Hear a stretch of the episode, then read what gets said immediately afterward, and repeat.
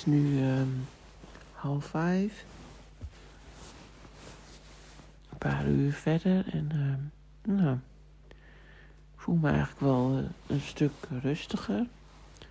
Ik zit nog wat, eh, of ik, ik, lig, ik lig wat te luisteren naar eh, de geluiden in mijn hoofd. Ik, zeg maar zo straks was het lawaai helemaal zo hard dat, ehm, dat ik dan buiten mijn hoofd haast niks meer kan horen, want dat wordt zo overstemd. En nu eh, zit ik te luisteren naar, ehm, naar een mug weer in mijn hoofd. Die is de hele tijd weg geweest. En eh, maar die was er nu weer, of die is er nu weer. En ehm, die hoor ik dus nu ook, want het, eh, de re- andere lawaai is wat zachter.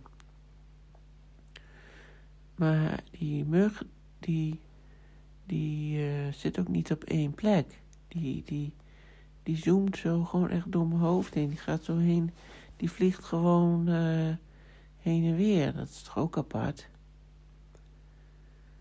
Waar het lichaam allemaal wel niet toe in staat is ook, hè? Maar goed, ehm, ik had even eh, wat water gedronken. En, eh, want ik krijg altijd berenhonger van dit soort eh, exercities. Maar dan moet je natuurlijk eigenlijk... Nou ja, je mag wel gaan eten, maar ik doe het dan maar niet. En ik weet inmiddels ook hoe dat zit, want... je, als je ligt, als je eigenlijk je amygdala gevaar eh, eh, detecteert, om het maar zo te zeggen. Ook al eh, is er nu helemaal geen gevaar, maar goed, dat, dat het lichaam denkt van wel. ehm, dan gaan bepaalde organen ook eventjes in, de, in de slaapmodus. Of, ja, of die worden geblokkeerd. En eh, dat is onder andere je spijsvertering. Want je lichaam heeft dan eigenlijk alle energie nodig om bijvoorbeeld te kunnen vluchten. Nou, en als dat dan allemaal weer wat zakt, al die spanning, dan komt dat natuurlijk weer op gang. En misschien krijgt het dan wel een extra impuls of zo, omdat het even stil heeft gelegen. Ik weet niet, maar ik krijg dan altijd honger. Nou ja. En ehm ehm, ja, ik dacht ook van eh, hoe, hoe kan het eigenlijk dat ik ehm, hulpverlener ben, weet je wel? Hoe heb ik dat eh, eigenlijk altijd gedaan? Want er zat eigenlijk dus nog van alles in mij opgeslagen waarvan ik niet eens wist dat het er was. Maar toch, eh, maar misschien is het ook wel juist daarom dat ik wel hulpverlener kan eh, zijn. Omdat ik toch ook eh, van alles heb meegemaakt en dat het er dan toch ergens in je zit of zo. Ik weet het niet zo goed, maar nou ja, ik weet natuurlijk wel dat je als je hulpverlener bent en je hebt zelf niks meegemaakt, dat het dan meer theoretisch is. Ja, maar ik heb wel altijd het idee gehad dat eh, eh, mijn cliënten meer, meer hebben of hadden aan mijn eh, oefeningen of aanwijzingen of dit of dat dan ik zelf. ja, ik dacht, god, die zij knappen er allemaal heel erg van op, maar bij mezelf schiet het niet zo op. En ehm ja, misschien is dat toch wel omdat ik niet wist dat er eh, dat ik PTSS had. En eh ja, dat het, toch, dat het dan toch net, eh, net weer een beetje andere koek is of zo. En ik moest ook even denken aan... eh, Edith Eger. Die uh, vrouw die is 6 of 97. En die, uh, ja, die heeft heel veel trauma's meegemaakt in de oorlog. In een concentratiekamp. En, uh, maar zij zegt van, dat, ze, dat, dat ze dat ook regelmatig, of eigenlijk dagelijks wel aan haar voelt trekken. En sommige dagen, ja, dan lukt het haar niet goed om een fijne dag te hebben, zeg maar. Maar toch heel vaak wel. Het is echt een vrouw met heel veel kracht. En, uh, maar ze zegt, ik moet er toch voor kiezen. Ik moet elke dag die keuze maken om, uh, om op iets anders te richten. Dus om uh, op iets positiefs te richten of op, ja, op wat ze wel wil. En het is zo knap dat ze dat iedere keer op kan brengen. Want ze voelt ook wel dat het andere er nog zit. Ze zegt dat gaat ook niet weg. Maar ik hoef dan niet de hele tijd uh, mijn leven door te laten bepalen. Nou, ik vind het onvoorstelbaar knap, want ik denk dan, zij heeft uh, nog veel verschrikkelijkere dingen meegemaakt dan ik in zo'n concentratiekamp. En uh, ze was zo goed als dood eigenlijk. Maar ja, zij zegt toch dat het niet uitmaakt. Dat, als een, uh, dat de inhoud van het trauma en niet, dat het niet bepalend is. Dat elk trauma even erg is. Nou, ik geloof dat eerlijk gezegd helemaal niet.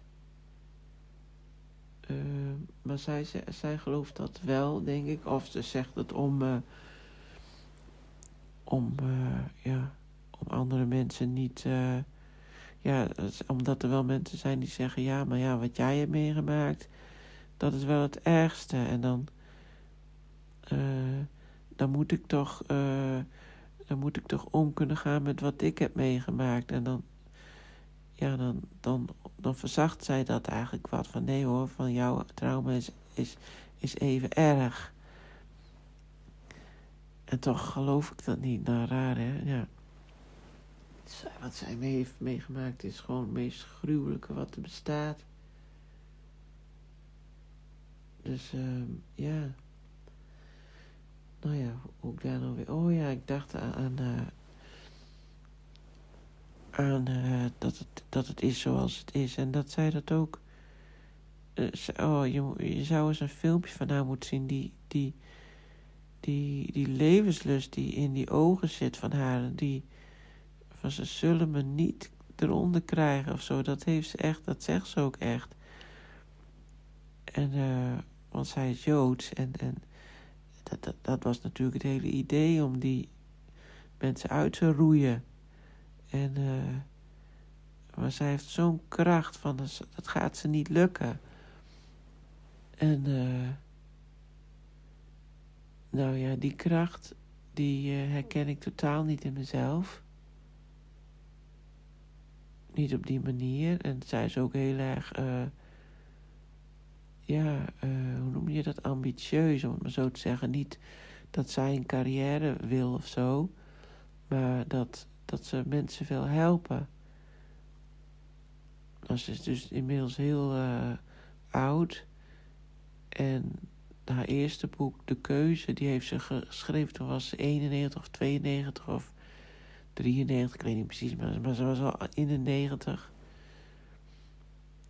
En uh, ja, ze is nog steeds uh, even gedreven, echt onvoorstelbaar. Uh, dat heb ik helemaal niet. Maar uh, ja.